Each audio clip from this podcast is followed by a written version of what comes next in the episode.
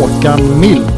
Det är ju bara att instämma med vad Håkan säger. Eh, sen jag blev förvånad att vi kör eh, två centralt. Att vi inte kör eh, 4-3-3 uppställningen och kör tre centralt när vi spelar borta på konstgräs. Matanovic, Antonio. Stort tack, bra, kul att vara här. Och det ser vi nu att det börjar faktiskt spenderas. Vad kan man ta med sig då? Jag tar med mig att Sebastian Eriksson spelade 35 minuter allsvensk fotboll. Då säger jag hej och välkomna till Kamratpodden avsnitt nummer 37. Och med mig idag har jag Antonio Matanovic. Hur är läget Antonio? Ja men stort tack Daniel, det är jättebra. Vilken fotbollshelg vi hade ändå. Det var en fantastisk allsvenska på många sätt och vis måste jag säga. Vad känner du? Jo, men det var ju en eh, härlig omgång måste jag säga. Ehm, otroligt väntat att Degerfors skulle ge sig på Häcken och eh, inte lika väntat att Varberg utan Stojan Lukic skulle rå på eh, BP. Nej, verkligen. Alltså det, det, jag tyckte det hände så mycket den här omgången och på något sätt så känns det som att allsvenskan gick in i en slutspurt nu. Man, jag tyckte man såg det på planen, jag tyckte man upplevde det på läktarna. Eh, de som är med där uppe har fått lite darr och de som är i botten börjar inse att de är i botten. Jag tyckte det, ja. nej, allsvenskan den här omgången, den, den, var speciell. Det var så intensiv. Jag, jag fick möjlighet att se några lite matcher så det var gött, men det, det var puls på det. Ja, ja du, du, det kändes som att du kollade en hel del allsvenskan i helgen.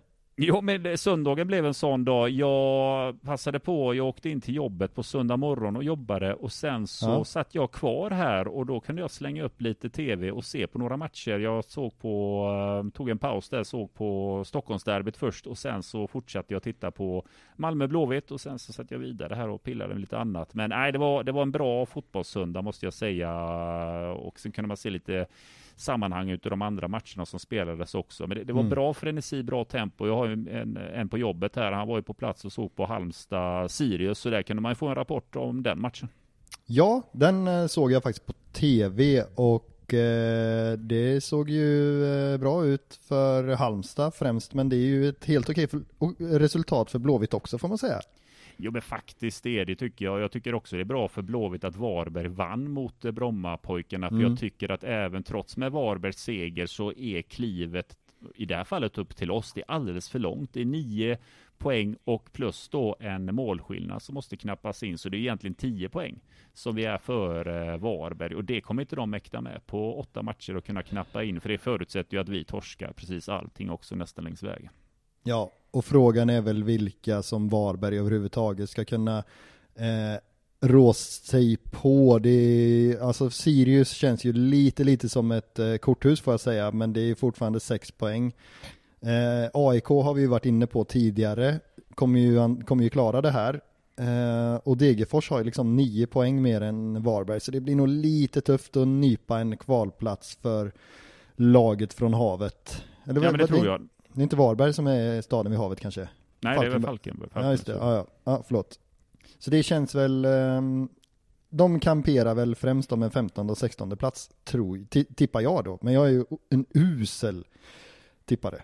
Jo, det är samma här. Man ska inte gå på något tippningsresultat om man ska fråga mig. Men Varberg ska ju åka ut och Sirius som du säger är ett korthus. Men ah, banne mig, vi tog upp det i förra avsnittet där. Jag tittade på AIK och det, jag konstaterar återigen starka nyförvärv, bra, papper, bra på pappret, men eh, du kan inte köra 4-2-2 på Tele2. Det är sen gammalt. Alltså andra halvlek är ju mittfältarnas kamp där och eh, det, det, det, AIK har det är om Saletros fick in en passning. That's it. Det, är, ja. det håller inte och det blev ju, det var ju för ett Stockholmsderby. Det, är en väldigt, ja, det var en väldigt händelserik match. Det brukar vara tillknäppt men efter sex minuter på den matchen så konstaterar jag att det händer mer där vad det brukar göra på 90 minuter.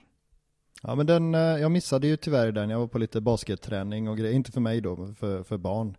Um, så att den, uh, men det, jag följde din rapportering med, uh, med gott mod. Uh, och, och, det är ju spännande med, med ett spännande derby såklart. Men ja, jag, jag, jag står fortfarande fast vid att jag tror att AIK löser det här. Eh, det faktiskt. bör de göra. Det bör mm. de göra. Men eh, de kommer vara kvar där in i det sista. Eh, och det är ju med, med sådana nyförvärv in så är det ett underbetyg utan dess like. Och det tackar ja. man ju för. Det tycker jag är bara trevligt. Vi kanske är dåliga tippare.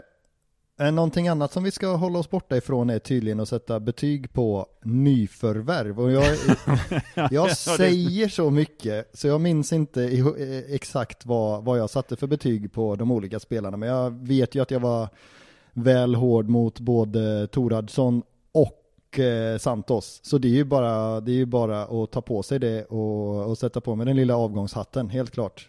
Ja, men Otroligt Santos, ja men Santos i synnerhet för min del där, alltså jag hade ju två hattar på Santos och han har ju innan vi spelade in förra avsnittet så har han genererat assist och det det han presterade där på Eleda här nu i söndags visade ju att, eh, nej men två hattar är ju underkant. Sen, sen är det så att man ska ha klart för sig att man sätter inte fem hattar bara random. Fem hattar är Bundesliga-kontrakt, de hör av sig, köper på plats. Fem hattar krävs väldigt, väldigt mycket. Vet, tre, fyra hattar, det är fina betyg. Det är riktigt bra. Våran skala bygger på att ett är underkänt, så vi är ju rätt Ja. snälla. Det krävs ju mycket för att man ska vara underkänd i den här skalan. Va?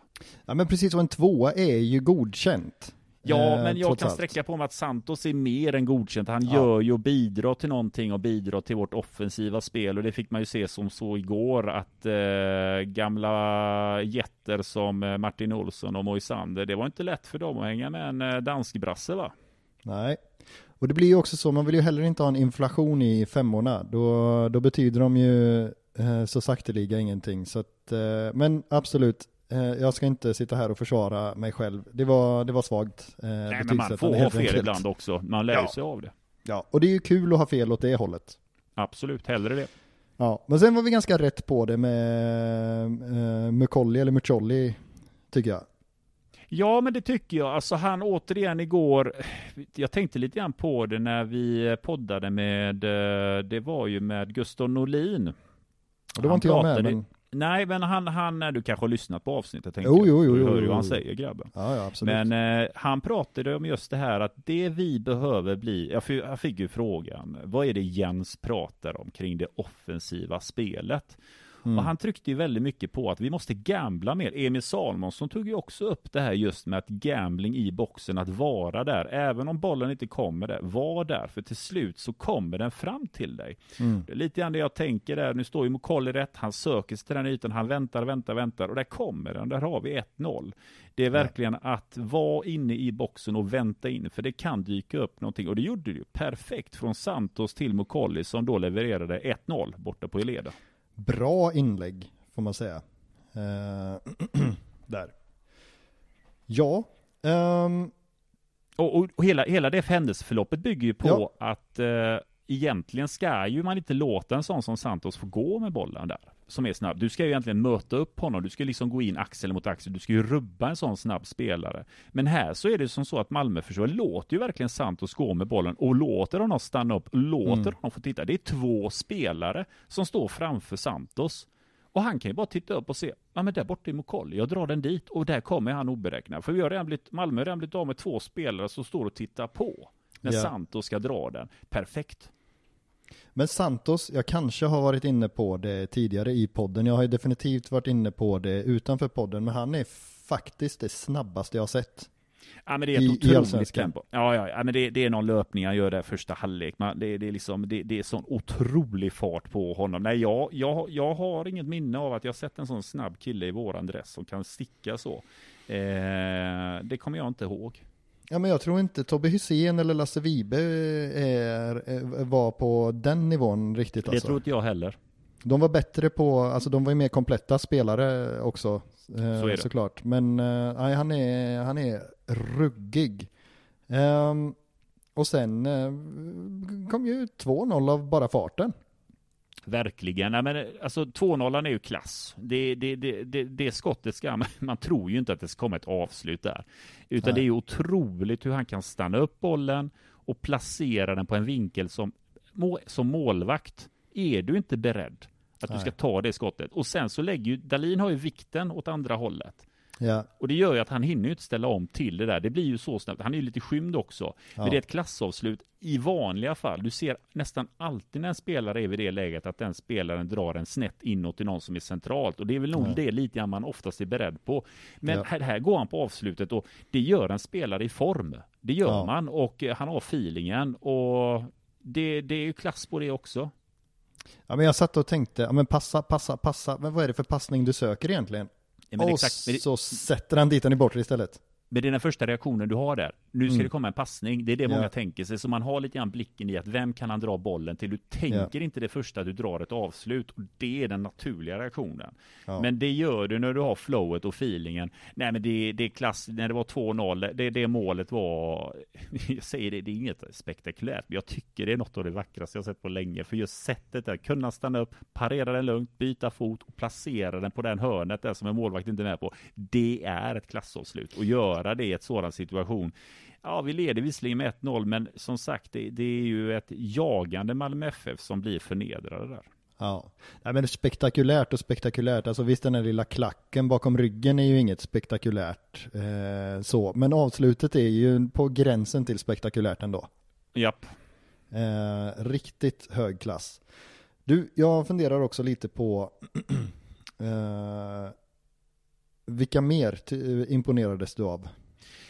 Jag var väldigt imponerad av Oscar Wendt som Mm. han sprang. Eh, jag tyckte Oscar Wendt var ju som en 25-åring igår. Herregud, Mm. det var sån fart på honom. Upp och ner, upp och ner. Det var ju som, det, det var ju så talande där i andra halvlek när han är uppe vid anfall för Mm. att sen springa hela vägen hem för att då avstyra en situation till hörna och de andetagen Mm. han tar där. Han är ju helt slut, men han byter inte, han byts inte ut utan han ångar ju på. Oscar Ja. Wendt imponerar väldigt mycket på mig. Sen är ju det här en match, Adam Kalén njöt. Gud Ja. vad han njöt, gud vad han njöt av att trockla. Det där, han tyckte det här var en, alltså man såg på Adam Kalén att det är den här typen av matcherna han gillar och han får publiken emot sig. Han får en Ja, men det är en galen Pontus Jansson som ringer runt och springer runt och brötar och har Ja. sig. Det, det Adam Kalén njöt jättemycket här och alltså det var ju farligt vid fel sekvenser. Att han drar ett gult kort, det var ju uppfriskande, men vi var det var väl det enda som skrämde mig generellt sett lite grann i andra halvlek hur tuffa vi var. Det var att domaren skulle döma straff igen. För att även om det inte är straff, jag upplevde inte att någon utav de här situationerna, jag skrev ju till det där att det här, Mm. herregud fortsätter det så här så blir det straff nummer två.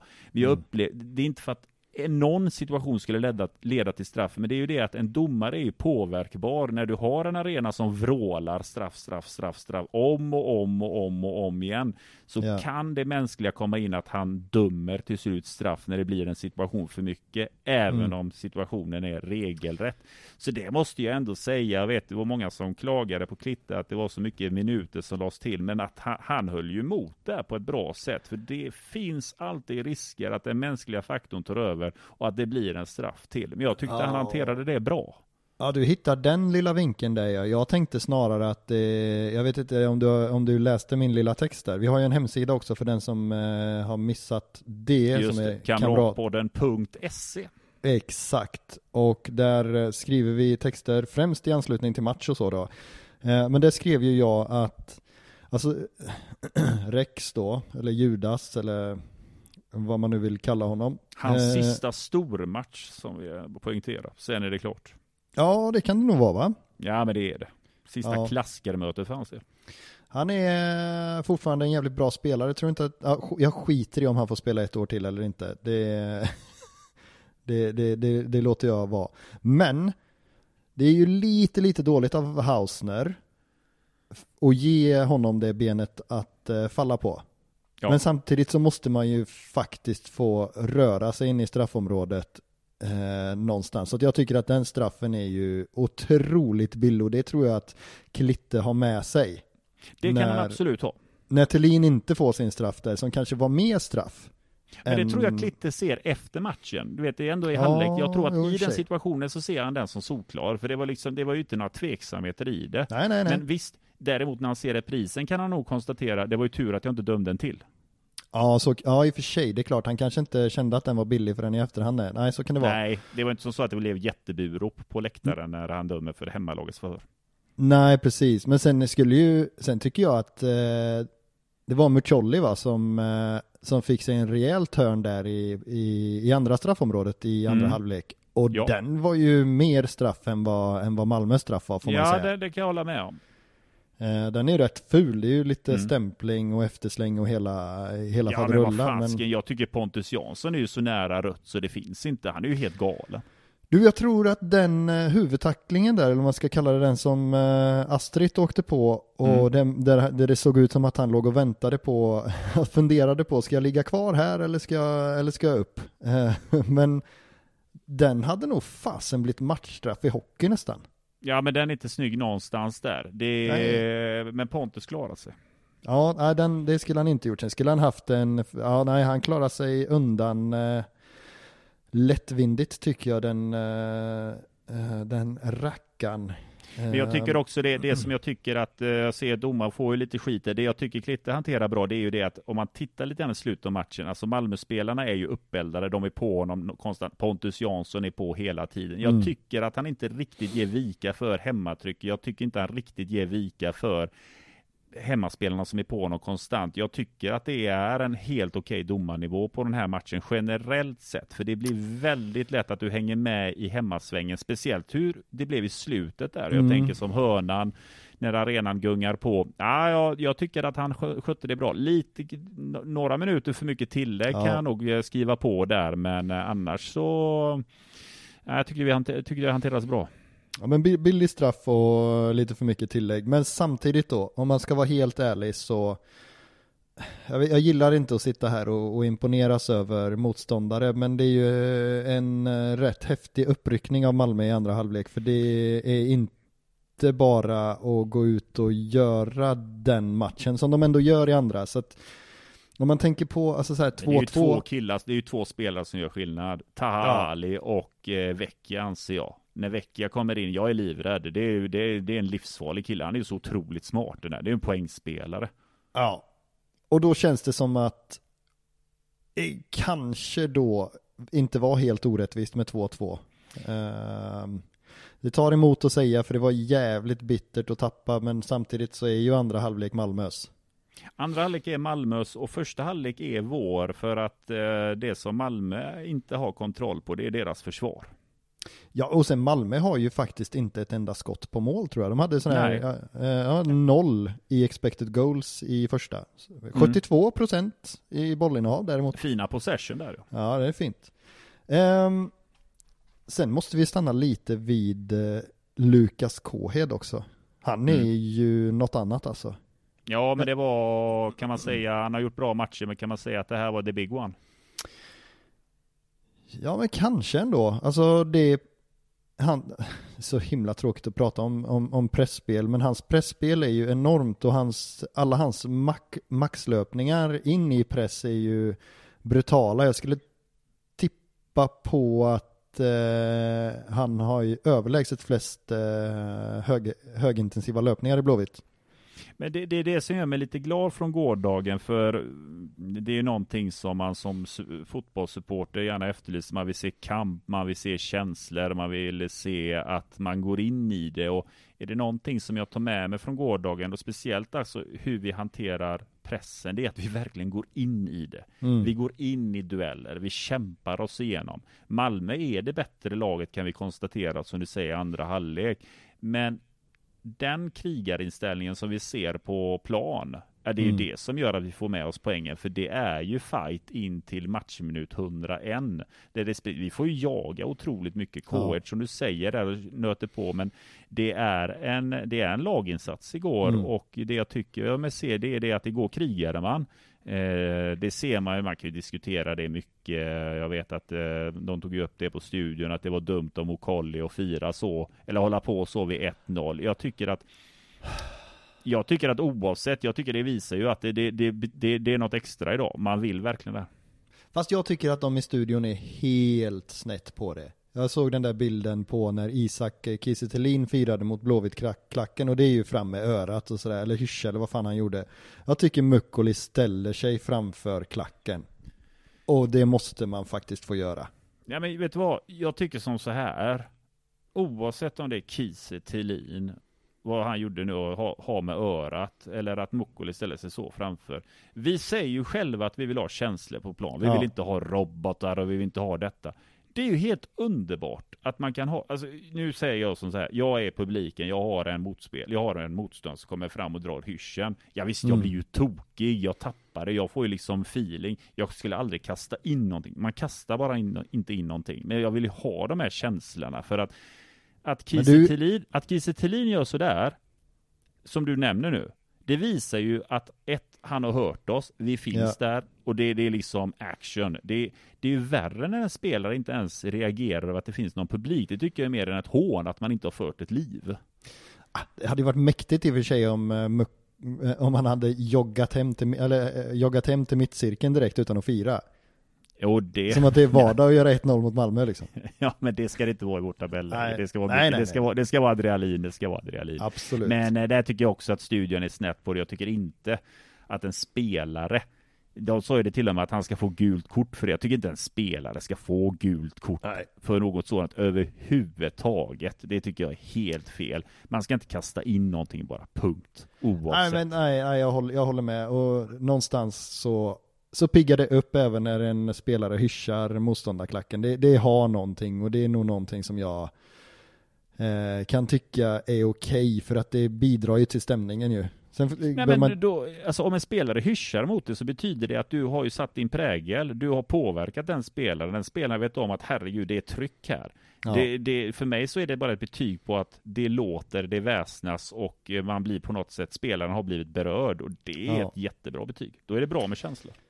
ja. Ehm, en annan tanke från matchen är ju att eh, min etta på eh, islänningen är ju bedrövlig.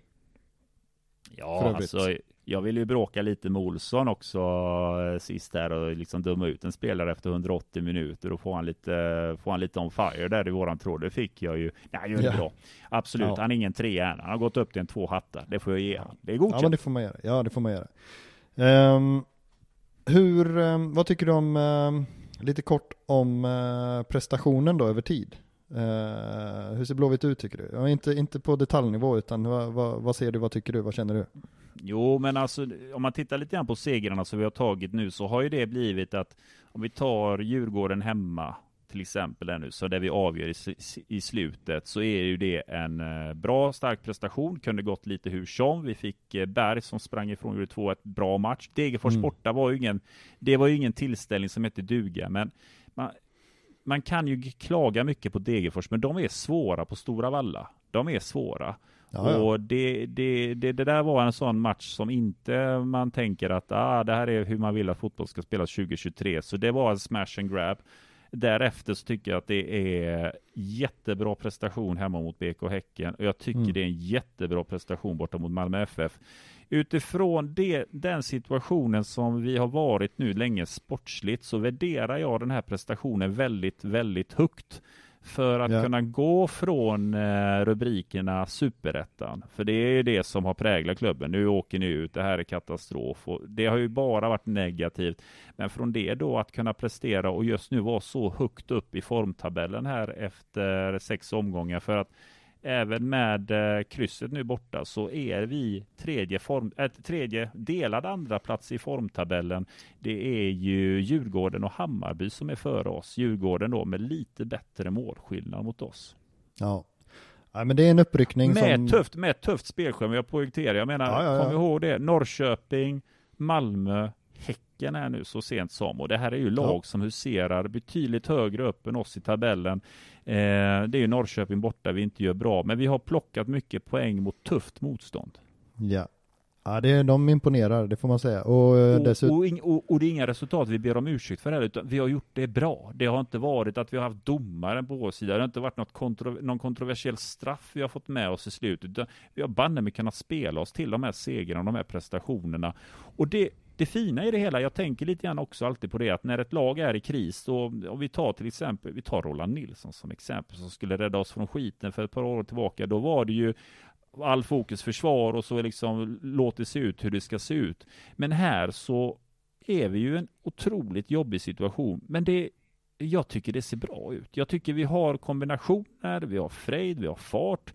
Det ser stundtals riktigt bra ut. Och som man, när man tittar på matchen igår mot Malmö, det känns inte som att vi är i botten. Det känns som att vi spelar som att det gäller någonting annat än att vi ska klara ett nytt kontrakt. Det känns som att vi är med om någonting större och det tycker jag är ett fantastiskt betyg. Ja, nej men absolut. Det är, ehm, det är, det är kul att se. Det är kul, det är en jävla uppryckning och det är häftigt. Uh, helt klart. Och det är inte bara Marcus Berg som har vaknat utan är, han, är, han har ju dragit med sig många i det här och det är Oskar Wendts eh, inledning på hösten är ju nästan Glöm på en nivå så att man hoppas Svensson. Ja, jag, absolut, ja, jag kommer dit, jag kommer dit. Uh, men det är nästan så att man hoppas på att Wendt ska vilja spela ett år till. Det känns väl lite tveksamt tror jag. Uh, Gustav Svensson, Hausner, alltså det, det, är ju alla i princip. Sen är det väl Gustav Norlin som kämpar något otroligt med formen. Uh, igår hade han det kämpigt du. Ja men, alltså en sån kille, det är väldigt enkelt också som anfallare att du behöver skapa poäng. Det är då det släpper. Mm. Alltså det är, ta en sån som Mukkoli, jag menar när han, när han väl gör sitt första mål. Ja. Eh, det, det, det är någonting helt annat sen. Det är någonting ja. helt annat därefter. När man väl som anfallare skapar poäng så släpper det. Norlin behöver ju, om, om trenden ska vända för Norlin, han behöver ju en tåpaj in öppet mål bara för att få känslan. För att det tynger ju såklart att man inte presterar poäng. Jag ja. håller med dig. Jag menar nu fick han hoppa in istället för Marcus Berg som eh, fick kasta in handduken och som det ser ut nu, jag menar i truppen, hel och ren, Gustav Norlin ska inte starta hemma mot BP. Ja men det gör han nog inte heller i och för sig. Nej. Um, och det gör nog inte Sulan heller för den delen. Nej, Stack, det. känning nu när det var lite Lite läge för matchtrupp kanske? Ja, ja, ja. ja. Så, så kan är det med u då? Eller är det nu u om han har känning också? Oh, nej, han var inte med i den matchtruppen vad jag nej, kunde se. Uh, inte Adam heller, för att Adam stod i A-laget och gjorde det helt okej okay, får man säga. Han tog det han skulle och var ute och och, och härjade på sånt som han inte kanske skulle härja på. Men eh, en, en, jag tycker att han har eh, visat tillräckligt mycket nu för att eh, vara en stabil allsvensk andremålvakt. Så det som var väldigt bra igår var det ju att Adam hade ju en tendens till att kunna släppa returer som sagt när Malmö gick på. Men det var väldigt bra att vårt försvar var väldigt lågt på det sättet mm. att såg vi en retur så var Hausner där direkt eller Gustav Svensson. Vi kunde vara där också. Nu tog han returerna men vi var snabba på att eventuellt plocka en retur med. Vi var otroligt duktiga på att bevaka Malmöspelarna tycker jag i stora drag överlag. Det var inte allt för ofta någon kunde stå så där kliniskt ensam eller kunna komma upp på en retur och kunna ta det. Jag tyckte att eh, försvaret gör ett fantastiskt jobb där. Ja. Det pratas om snusförbud och eh, hårdare regler och tuffa samtal och konfliktfas. Antonio, vad tänker du om allt? Vad, vad tänk, om vi börjar med snusförbudet bara, vad tänker du om det? Ja, det är väl lite internationell prägel på det. Det jag har jag aldrig tänkt på. Jag visste inte att det var ett förbud. Jag, alltså, jag vet inte om det är förbud liksom, eh, men det är väl, jag, jag, kan tänka mig att de inte får snusa när de spelar kanske. Nej. Men det är också, för det, det, det påverkar ju blodtrycket, snus. Ja. Ehm, och gör så i ungefär en halvtimme efter att man har spottat ut den. Så det, kan man, det, är, det är rimligt att anta att det är i anslutning till match och träning som man inte får snusa. Mm. Nej, um, men eh, det, så jag har ju tyckt att det är ganska vanligt att man sett spelare med prilla i käften under matchen också. Det, jag menar, det är ju en trend som kom över till Premier League och det blev ett mm. jädra liv där borta att det börjar snusa. Svenska spelare som lär eh, brittiska spelare dumma ovanor som de säger där borta. Yeah. Men eh, jag tycker väl att generellt sett sådana här förbud, ja men det är väl lite grann att göra ett statement och att man ska professionaliseras och sen så är det lite grann att man vill ju skapa en klar struktur att här är jag, här bestämmer jag. Som chefstränare vill man ju sätta sin prägel och eh, ja. det har vi ju sett. Ja. Um. och jag tycker att eh, det är ju ett bra beslut, såklart. Ja, alltså så länge det inte är snusförbud punkt slut på Kamratgården så, så nej, håller jag med. Det, det, det kan jag säga att det är det inte. Nej, nej jag menar det. för det hade ju varit lite, det, då, det hade varit att spela ett högt spel om inte annat. Ja, men då hade Norlin tappat det. jag tror Marcus Berg eh, också eh, hade haft åsikter om det va? Du vet att Bjärsmyr drog ju Siberia? Det var som fan. Ja, ja jag visste eh, när jag satt och poddade med honom back in the days. Han klämmer ju en Siberian och en Valis. Jag satt ju där, herregud, Siberian är ju starka grejer. Men han sa, ja men då kan jag pendla, jag tar en snäll och sen kan jag klämma in en Siberian. Det var liksom, det är ju liksom han och Darijan Bojanic och klämmer en Siberian. Och det, det är Ja. rätt tunga grejer det där Daniel. Det är ingenting du hittar eh, i din lokala kiosk när du ska skutta ner där och shoppa lite. Jag tror Fredrik Larsson körde det också faktiskt, har jag för mig. Siberian skojar man inte bort. Nej, ja, det är för ehm, Det är för de nervstarka tror jag. Jag hade nog Ja. simmat. Ja, är Ehm. lugn vet du. Lugn som en filbunke där, Ja. pallar det, inga problem. En annan hade coolat. Ja. Ehm, men ehm, konfliktfas. Eh, vad ehm, tänker du? Jo men det här tog vi upp, rätta mig fel om det var avsnitt 30 när vi hade Marcus Vulkan med oss. Så pratade vi om, eller jag målade ju. Ja, ja, det var när en du si- eh, lekte du Kurt Olsson där. Ja, kör, ja, jag blev kallad, tack eh, Johan Silver som säger, kallar mig Kurt Olsson. Sen var det några som var lite arga, sa att det inte är bildradio du håller på med, skärp dig. Eh, målade en bild på en cirkel och konfliktfas. Jo men så här, Eh, då var det ju så, då var vi ju i en eh, situation, vi var ju nere i skiten. Jens kom in och Ola Ja. kom in. Ola Larsson sa ju det tidigt att vi, han var ju lite bekymrad över att man inte kunde ta en diskussion. Eh, utan att folk kunde känna att det blev lite jobbigt. För Ola Larsson var ju tydlig med att säga att jag tycker vi ska göra som så här. Vi ska göra som så här, men rätta mig gärna om jag har fel Mm. ha en diskussion med mig. Och det är ganska rätt fram retorik som Ola Larsson har bedrivit och var tydlig med att han vill göra. Ja. Och min känsla var ju det att det som IFK Göteborg kommer gå igenom nu när Jens kommer in och med Ola, det är att vända på en stek genom att vara lite obekväm i början. Att skippa den här berömda smekmånafasen, att man är nyanställd och så ska man in och skapa känslor och ja, men ifrågasätta normer. Det skapar Ja. en konflikt. Och kan man få bukt på det, jag sa ju det tidigt, jag vill ju se här under sommaren att det blir rubriker av att det är lite gnissel, att det är trubbel på gång och så vidare, att det är lite irriterat. För att man Ja. sen då därefter ska bearbeta problemlösningar och sen då prestera. Vi hade ju en sån där, eh, det blev ju en tidningsrubrik över det här Daniel eh, i somras, att det var något samtal man hade på Kamratgården va? Där man Ja, skulle fast- prata om lite saker som inte fungerar så bra. Ja fast det tycker jag, det, det, det kommer jag, eh, det, det är min kulle. Den, eh, den kommer jag dö på. Ja, det, det tycker jag var idiotiskt. Alltså om det nu gick till på det sättet att de speeddatade för att och, och berätta saker som de är, är dåliga på. Den, den, nej den köper jag inte. Jag vet att du Ja, tycker eh, annorlunda. Jag säger inte köpa, men där hade vi en sån där, det blev en rubrik om den här Mm. typen att någonting figurerar runt Kamratgården, att det är lite diskussioner och Ja. interaktioner. Eh, min upplevelse är, jag kommer ihåg eh, Varberg hemma. Eh, Mm. Jens sa ju det på träningen dagen efter. Har vi slutat tycka synd om oss själva nu? Nu får vi liksom skärpa oss här. Det sa han Ja. på träningen eh, dag två. Jag tycker att IFK Göteborg har på något sätt genomgått en förvandling där man har kunnat, kunnat se varandra i ögonen, kunnat konstatera saker som inte fungerar bra, kunnat ta oss diskussioner i stängda rum och nött på sin idé som Marcus Berg säger, att vi har haft väldigt bra träningar och trott Mm. på detta, att fortsätta, fortsätta, fortsätta.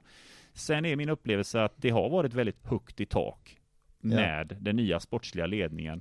Och det är bara att konstatera det att med det här spelet som vi har nu så har den sportsliga ledningen gjort några kloka beslut, haft några kloka diskussioner. Man kan lyfta fram att vi har värvat bra spelare som Mokolli och Santos exempelvis.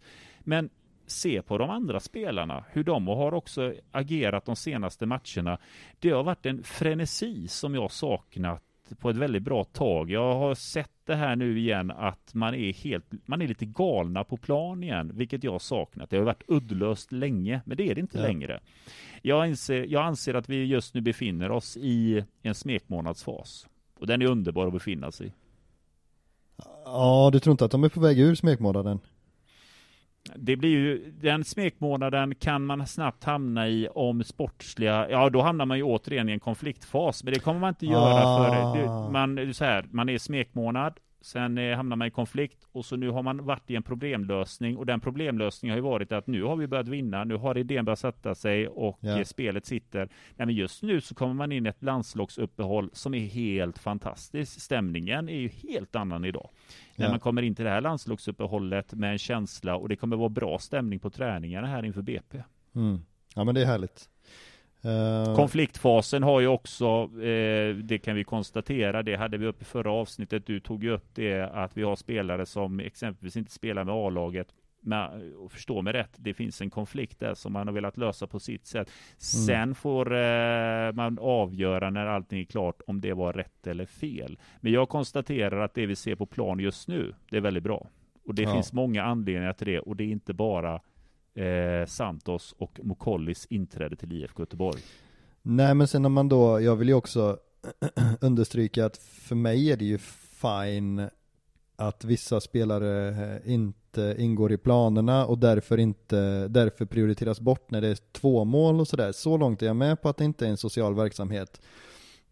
Eh, det som jag vände mig emot var ju att han inte ens fick spela eller träna samtidigt som herrarna tränade. Den tyckte jag var mm. ful faktiskt. O oavsett hur fin dialog man har med honom. För det är klart som fasen att han vet att eh, han inte kommer få vara med på två mål. Det finns en dialog där, givetvis. Det, det jag tror inget annat. Eh, men just den grejen tyckte jag var, ja men sådär, man kan markera genom att inte ta ut i U21 eller låta en sitta på bänken mot något eh, br brunkegäng i kuppen och hela den biten. Det, det, jag, jag köper det, men att man inte får träna samtidigt som lagkompisarna, den är, den är speciell och den tyder väl i och för sig på att det har skurit sig kanske.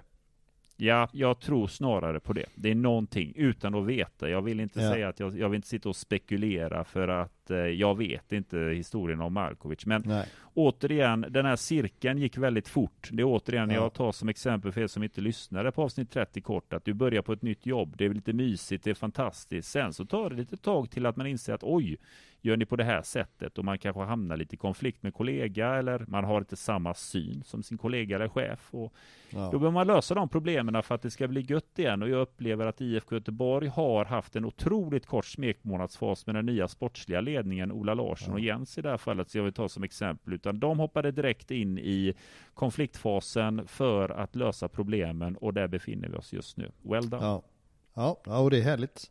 Um, vi... Tar vi som eh, AIK som exempel då Daniel, mm. jag upplever att de fortfarande är i en konfliktfas. De har inte kommit vidare med Henning Berg och det ledarskapet på det sättet. De är inte lika långt fram som vi är. Men det känns som att där finns det också en helt annan typ av eh, problematik. Alltså det, du har ju dels då Jimmy Durmas, eller Durmas som inte liksom riktigt får till det över 90 minuter och är ju otroligt missnöjd över att inte få spela så mycket som han vill och så har du haft Gudetti som har varit helt under isen och som antagligen också förväntar sig 90 minuter. Så att jag tror att... Eh, det, är en, det är en stökigare konfliktfas så att säga. Ja men precis, och nu är Gudetti skadad och det tror jag nästan de ska vara glada över. Då är det en mindre konflikt. Ja men precis, för att han hade inte fått spela ändå och det tror jag inte hade landat liksom väl. Nej. Skit i AIK. Um, ehm, vad, nu har vi så här, vi möter BP eh, den 16 september och sen väntar Mjällby borta den 24 september och sen är det Bayern eh, borta 1 oktober och så kanske vi inte ska tänka så mycket längre fram Nej, det är lite för långt fram. Det är ju inget eh, spelprogram som jag blir mörkrädd av. Det är väl Bayern borta då som på något sätt, jag har ju jag har dissat dem lite grann att de kan inte göra mål, men de har ju fått någon ny feeling här Hammarby, så det är väl egentligen den matchen som kan bli lite knepig på Tele2. Men eh, Brommapojkarna hemma, Brommapojkarna är ju inte riktigt neddraget i bottenstrid på det sättet sättet. Men Nej. vi ska vinna. Vi, vi, nu, kan man ju, nu, kan man, nu vågar man ju verkligen säga att vi är superfavoriter mot Brommapojkarna. Mm. Mjällby är också i ett sådant läge i tabellen att det handlar lite grann om frenesin och det här att vi orkar tänka att nu ska vi vinna, vinna, vinna. Att varje match ses som en cupfinal. Eh, Mjällby gör inte det. Brommapojkarna gör inte det. Och kan vi ha den känslan eh, så är vi ju favoriter båda matcherna. Sex poäng där. Ja, men då börjar man känna en trygghet i tabellen och om allsvenskan 2024. Ja, men då känner jag en genuin trygghet. Två segrar ja. där, då vågar, då vågar jag till och med jag säga att det, det här klarar vi nu. Ja, det, jag, jag, skrattade till det för jag skulle gå in och se om det fanns några eh, propåer från lyssnare och då ser jag att Martin Olsson har, har kallats in till landslaget. Eh, Martin Olsson, ja ja men det där 2-2 målet. Ja, jag tyckte han hade det kämpigt alltså, men okej då. Um, Ja men alltså när du väl är inne i landslaget, det, det, det, det kommer det är fan svår, inte ut det, alltså. det är svårare att komma in i landslaget, men när du är i landslaget så är det nästan omöjligt att inte vara med därefter. Jajamän, det, det krävs otroligt usla prestationer för att du ska bli petad i landslaget. Ja, du, vi har inte jättemycket tid kvar här, men vi har ju, vi har ju faktiskt Frölunda-samarbetet kvar att prata om och sen behöver vi ju eh, beta av lite eh, från lyssnarna tänker jag. Mm. Frölunda-samarbetet känns ju klockrent om det är så som det är utformat nu, att man får spela för Blåvitt också. Och att man skickar dit eh, 18-19-åringar som nu senast. Eh, eller nu är Tyrén ännu yngre såklart och han gjorde ju dessutom två mål och Just det. och Messi gjorde en assist så att det, Ja. de eh, fick ju en kanondebut i, i Västra Frölunda. Och det är ju Ja. kul. Ehm, och jag tänker att division, toppen av division 2, eh, det, det är riktig fotboll där. Ehm, det är eh, högt tempo, smäller. Klart att ettan hade varit att föredra, men, men tvåan är fortfarande på en sån nivå att det ändå kan ge våra spelare någonting att spela matcher där. Eller vad säger du? Jo, men i den åldern som 18-19-åring, jag gillar ju det här att det är öppet kontrakt så att man kan Mm. Så uttryckligen pendla mellan de olika föreningarna och här verkar det som, det viktigaste är ju att man har ett samarbete med en förening som eh, verkligen ser till att möjligheterna ges till speltid. Det ger jättemycket att få spela i den här Ja. åldern och få den erfarenheten. Division 2 är ju vad den är. Jo, Men eh, det är mycket bättre att få 90 minuter och komma tillbaka och träna kontra att vänta två månader för en Mm. eh, U21-match som är otroligt trött. Så Ja. det, det är alltid föredra en match med puls i och det är division 2. Det, det Ja. ger division 2 bättre än att hade vi haft en bättre fungerande U21-liga eller haft lite mer träningsmatcher bokat så är det här det bästa alternativet. Fast jag tror är- nästan att eh, division 2 slår en, en, en välorganiserad U21 också för att det är ju inte med. tävling på det sättet. Men det, division 2 är ju verkligen på gränsen. Alltså hade det varit eh, trean så hade det varit helt poänglöst. Ja, men det beror Ehm, lite på som du säger, men Frölunda har också en historik och tradition att vara duktiga på att hantera unga spelare. Så det är också Ja. vilken miljö det är. Jag ska inte nämna vilka klubbar som helst, men det finns ju klubbar i tvåan där man kan se hur det tränas och värms upp och hur en träning kan se ut. Det är lite kvadraten, lite tjo och tjim och lite matchspel. Det är inte speciellt utvecklande att gå in i matchläge där. Då ser matchen ut Nej. som de gör. Men Frölunda har ju ändå en historik ja. som gör att det är ju skäligen lämpligt att man har ett Ja, samarbete med dem. Ja, framförallt inte minst om man tittar historiskt. Historiskt, eh, Morad, Mohammed Ali Khan, Hasse Blomqvist naturligtvis, Rosenqvist, Sandklev. Sankan Ja, ja visst. Så det är ju ehm, det är många som har vandrat den vägen. Eh, Ja. Och, det, det är fint att, få se Frölunda ehm, i, i lite rampljus ändå på något vis. Håller med. Förtjänar, förtjänar de. Du, de eh, vill, eh, Musslan och Mr Blåvitt vill att vi ska prata om eh, Trondsen. Och Ja. eh, ja, jag vet inte varför han inte får spela, jag har faktiskt ingen aning. Min Varför känn- ska, han spela, varför ska han spela just nu, ställer jag frågan. Ja, Det var för att han var en av de som var hyggliga under våren, men det var ju Sebban också. Sebban är ju också tokpetad nu liksom, så att det är nog, jag vet inte vad. Jag har svårt att se Trondsen gå in och spela innermittfältare i Askos 4-3-3, det tror jag inte går.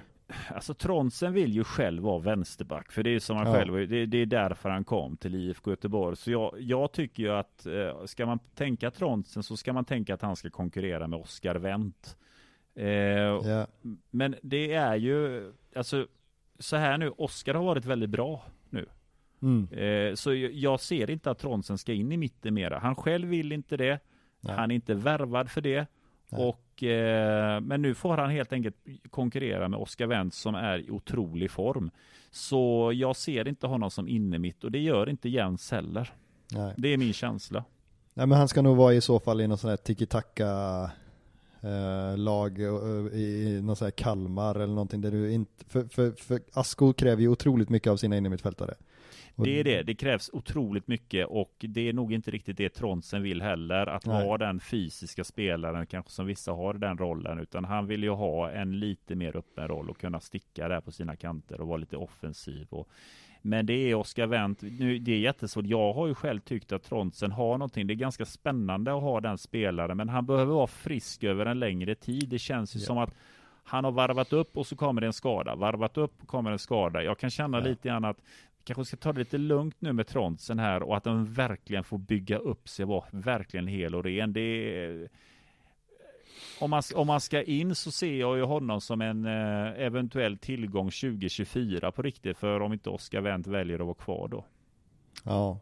Men då behöver Men man det- det- nästan eh, Men ta vi in behöver en, ha, ja det måste för att det finns en skadehistorik vi ska respektera att Ja. eh, det, det, det, det var ett tag sedan Tronsen hade en eh, ren och frisk säsong. Ja. Sen, eh, sen ser man ju att han har fotboll i sig. Men eh, ja, eh, vi drar vidare. Ljusen tycker att vi var eh, för dystra och det får man ju hålla med om då. Och det har vi ju faktiskt eh, gjort avbön för. Det var, Jo, men det har väl att göra med säsongen också, Ljusen. Jag menar, det är svårt. Jag, jag vill ju inte...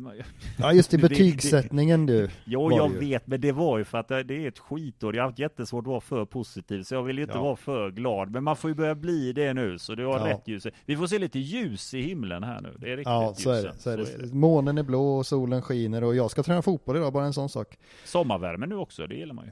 Ja, det blir gött. Eh, Måns eh, undrar vilka alternativ som finns till Mild som klubbdirektör och den är ju otroligt svår för mig att svara på som inte kan någonting om företagsvärlden eh, här i stan. Ja, men jag har namn som förslag. Så här är det ju alltid om man, om man tycker att någon ska lämna så får man alltid den här, vem ska ersätta det? Jag, för det första vill jag för protokollet säga att jag tycker att man kan begära att någon ska lämna en förening utan att man själv ska kunna säga vem som är ersättare. Jag tycker folk, jag tycker att det här med att folk ska begära ens av, fo- folk ska begära folks avgång i fotboll, det hör till. Ja. Men jag har klurat lite på det, jag har gjort ett tag faktiskt. Pontus. Farnerud. Pontus. Kenneth Andersson. Ja, men Pontus Svanerud, hans restaurang går bra för övrigt i Marbella, hälsar han så gott, surrar lite med han på Ja. Instagram där, med Ja, familjen ja, ja. där. Eh, Varmt och skönt säger han. Ser. avkopplande också, härligt. Ja. Nej, men jag har eh, två namn och eh, som jag tycker skulle vara intressanta klubbdirektörsnamn. Det första är Marcus Hermansson.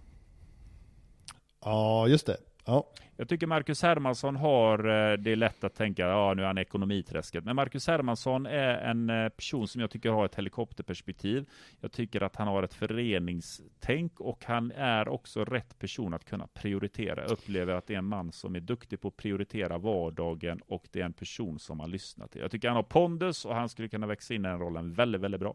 Hermansson är ett alternativ. Nummer två, Karl Fager, alltid. Jag tycker Karl Fager har Ja. absolut mycket i sin portfölj och för att driva en förening, kan fotboll, kan företag, kan siffror, kan för också otroligt duktig på att läsa mellan raderna. han är bra på juridik också skulle jag tro. Därav duktig på att läsa mellan raderna som jag Ja. säger. Nej men Karl Ja. Fager är lite grann av ett drömnamn för mig. Ja, bra förslag, bra förslag. Eh, det hade ju varit kul om, Herma, om man säger att Mild avgår och, och sen tar man upp eh, Hermansson så att man eh, kan få klättra inom föreningen även på, på, på den sidan. Hade ju varit häftigt. Det är riktigt. Det är riktigt. Bra. Nej, men jag tycker Her Hermansson är bra. Ja, bra förslag Antonio. Ehm, och sen undrar Måns vidare om det är med Asko dags att ge en tränare tre, fyra säsonger för att bygga ett lag och absolut, det tycker jag. Alltså, man är ju för kontinuitet och det så länge, så länge energin finns där, så länge du har idéer som truppen köper, stanna hur länge du vill. Men jag vill gärna ha en tränare tio år. Det, det är ju dock mer va- ovanligt att en tränare är kvar efter fem år, men eh, gärna. Jens ska stanna jättelänge. Ja, det hoppas jag också. Sen undrar han om vi släpper Mukkoli eller Mucolli eh, för 100 miljoner och det är klart att eh, det gör man ju. Ja, jo, men det gör vi ju. Eh, när Saudi kommer och inte kan räkna valörer och sk- skicka fel valuta till oss. Nej, precis, han blir 24 också i år. Ja, så men att, ja, eh, Saudi, fina Saudi där ändå, kan inte räkna. Det är liksom, Nej, precis, det spelar ingen roll. Ja, jag trodde det var 10 men det blev visst 100. Ja, ja. det är vad det är, säger de när de gör Ja, överföringar. exakt. Det var, det var euro också, så ni fick en miljard Ja. där. Eh, nej, men, eh, nej, men om man ska vara helt, om man ska, eh, det, det är klart att det är ju svårt att värdera spelare sådär, men är, hans marknadsvärde har ju hö- höjts. Ja, alltså vi, vi har ju, om man ska gå ekonomiska termer, så har vi hittills tjänat på Mukolli, ja, absolut. Så är det, så är det. Sen är det svårt att säga vad, vad På han tal om att kunna... öka till värde, Oskar Wilhelmsson gjorde mål i Bundesliga i helgen. Ja, det var ju härligt. Det var Så där, härligt. ja. Ja, Ja. har byttes ut tidigt i andra halvlek, jag vet inte om det var en skada eller inte, men Wilhelmsson gör mål i Bundesliga, spelar från start, kom ihåg det, i Mm. lilla, lilla Darmstadt, så det var ju en intressant flytt. Ja, det var ju fint där när ni hade ert, eller när vi hade det där, eh, för, för Darmstadt har ju alltid varit mitt lag i Schweiz. Det är riktigt, ja, jag trodde det var Regensburg, men ja, så Ja, är det det. var, det var Regensburg ett tag också i och för sig. Ja, jo, jo. Men, nej, men det är kul för Oskar såklart. Eh, och Benjamin Nygren gör det bra i Danmark, det är inte riktigt lika häftigt kanske. Nej, spöar ju Partizan Belgrad med 6-0 i Europakvalet här, så det är en bra klubb som han spelar i. Men Benjamin Ja. Nygren får ju spela mycket från start. Lilla, Mm. lilla spaningen är att våran vän Hasse numera inte är kvar i elvan i eh, Champions League, Royal Antwerp. Han har inte fått spela mycket från start nu, Daniel. Nej, det krävs en Robin Söder för att undvika det belgiska mörkret. Nu är ju är inte det. kanske eh, Hasse fast i mörkret riktigt än eftersom att han gjorde en stark säsong förra året då. Ja. Eh, men men. Men jag kan tänka mig att eh, det är ju en annan business där. Alltså han var bra förra året men de kan ju ha värvat någon som de anser vara ännu bättre eller alltså sådär. Det är ju en annan lilla, lilla verklighet ute. spaningen från, lilla, lilla spaningen från Belgien på tal om Royal Antwerp var ju att Nine Golan var på väg till IF, erbjöd sina tjänster till IFK Göteborg. Hur ledsen är du över att den gamle Cagliari-legenden inte kom till Kamratgården? Kan Sebban ha spelat med honom eller? Det måste han ha gjort. Ja, eh, nej men det, jag tyckte det var svinhäftigt med Markovic, för att det var ju verkligen eh, Fina det... Markovic, ja, men när du tänker på Hamsik. Nej, Hamsik givetvis. direkt. Tack så mycket, tack så mycket. Hamsik, för det var ju, det var ju liksom, eh, det var ju min, det var ju mitt, mitt Serie A. Eh, När Hamsik slog igenom och så var Zlatan där och eh, det, var, det var mäktigt liksom när han, när han blev klar. Men blev också väldigt, väldigt mycket jippo. Eh, så att jag är jätteglad över att man inte tar in någon Juan Mata eller Nangoyan eller någon sån där namn liksom, för det tror jag inte så mycket på. Det funkar ganska bra på FM. Eh, I verkligheten har vi ju sett, eh, ja men dels då Hamsik, han gjorde inte jättemånga glada kanske. Eh, Jesper Blomqvist är väl inte jämförbar på det sättet, men när han kom tillbaka till Allsvenskan var ju, gjorde inte heller jättemånga glada. Eh, han var ju, han startade ändå en Champions League. profilen som Erik kallar han för nu. Alltså. Ja men precis, men jag menar han startade ändå en Champions League-final och sådär, sen kan man inte jämföra Blomqvist och, och, Taribo, och eller Hamsik. Ibrahim Bass ska vi inte glömma. Eller. Exakt, det var mitt Just det. nästa namn där. Det, det känns som att eh, jag är glad över att vi inte tog in en sån till. Nej, kanske man ska kalla Jesper Blomqvist för Judas snarare än Jesper Blomqvist i och för sig. Det ber jag om ursäkt Ja, det är riktigt. Tryckte ju tröjor och allting på den tiden. Men vad jag tänkte säga det är Nainggolan då som eh, tog en sig där på avbytarbänken där i Royal Antwerp. Känns inte lika sympatisk som Marek Hamsik. Jag tror inte Nainggolan hade kommit med bollnätet och samlat bollar på samma sätt som Marek Hamsik gjorde på Vallala. Nej men det tror inte jag heller och jag tror liksom att eh, Hamsik antagligen eh, delade med sig mycket till yngre spelare. Det jag menar var mer att ja, men han spelade inte på konstgräs och, och användes naturligtvis helt fel och hela den biten. Men man fick ju inte kanske ut så mycket på plan som man hade hoppats på trots allt. Nej, nej, men så är det. Nej, men det är helt riktigt. Det var också en tränare och en annan filosofi också. Så det har varit intressant att se hur det går. Men så är det. Det är riktigt. Är det var ett härligt mål han gjorde i alla fall där, årets mål i Allsvenskan. Det tackar vi för Marek Ja, Hamsik. Blåvitt-legenden. Ja, han köpte en klocka och det är inga pengar för honom. Men... Nej, nej, det är det inte. Men det är snyggt. Nej. Vi gillar Hamsik. Det är vår Ja. gubbe det. Ja. Ehm, du, vet du vad? Det var det hela. Stort tack. Eh, och, ja, men tack så mycket eh, för, eh, för den här lilla pratstunden Antonio. Eh, tack för att du har lyssnat. Eh, vi säger ha det gött och på återhörande. Det gör vi. Hej med er. Hej.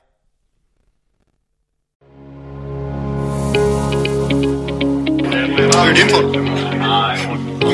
Eh, jo, men uppåtgående då. Jag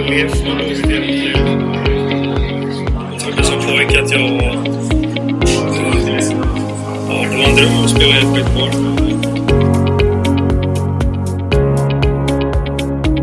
Håkan Mild. Det är ju bara att instämma med vad Håkan säger. Jag har fått göra det som du får göra det som... Eh, sen jag blev förvånad att vi kör eh, två centralt. Att vi inte kör eh, 4-3-3 uppställningen och kör 3-3 centralt när vi spelar borta på konstgräs. Nej, 4-0. Alltså det, det är. En bra fotbollsspelare och professionella människor som kommer hit. Olsson, hur är läget med dig? Matanovic. Stort tack, bra, kul att vara här. Vad kan man ta med sig då? Jag tar med mig att Sebastian Eriksson spelade 35 minuter allsvensk fotboll. Faktiskt det. Det är ju inte många år man ska vrida klockan tillbaks när man faktiskt kunde tänka sig att en spelaraffär in till Allsvenskan över 10 miljoner, det skulle nästan vara otänkbart. Det är många klubbar som senaste boksluten redovisade rekordsiffror och det ser vi nu att det börjar faktiskt spenderas. Eh, nej men det är ju en sån liga som är lite grann som Championship var förr. Fullt ös, inte riktigt eh, hållt tätt bakåt. Utan eh, ja, raka rör och rätt på. Så det kommer ju passa Oskar. Det är ni som är de konstiga och sådär. Exakt. Ja. ja. Lite positivt var ju att det är rekord i redovisat eget kapital. Det har vi inte haft sedan jag tittade tillbaka 2007. Tack själv Daniel.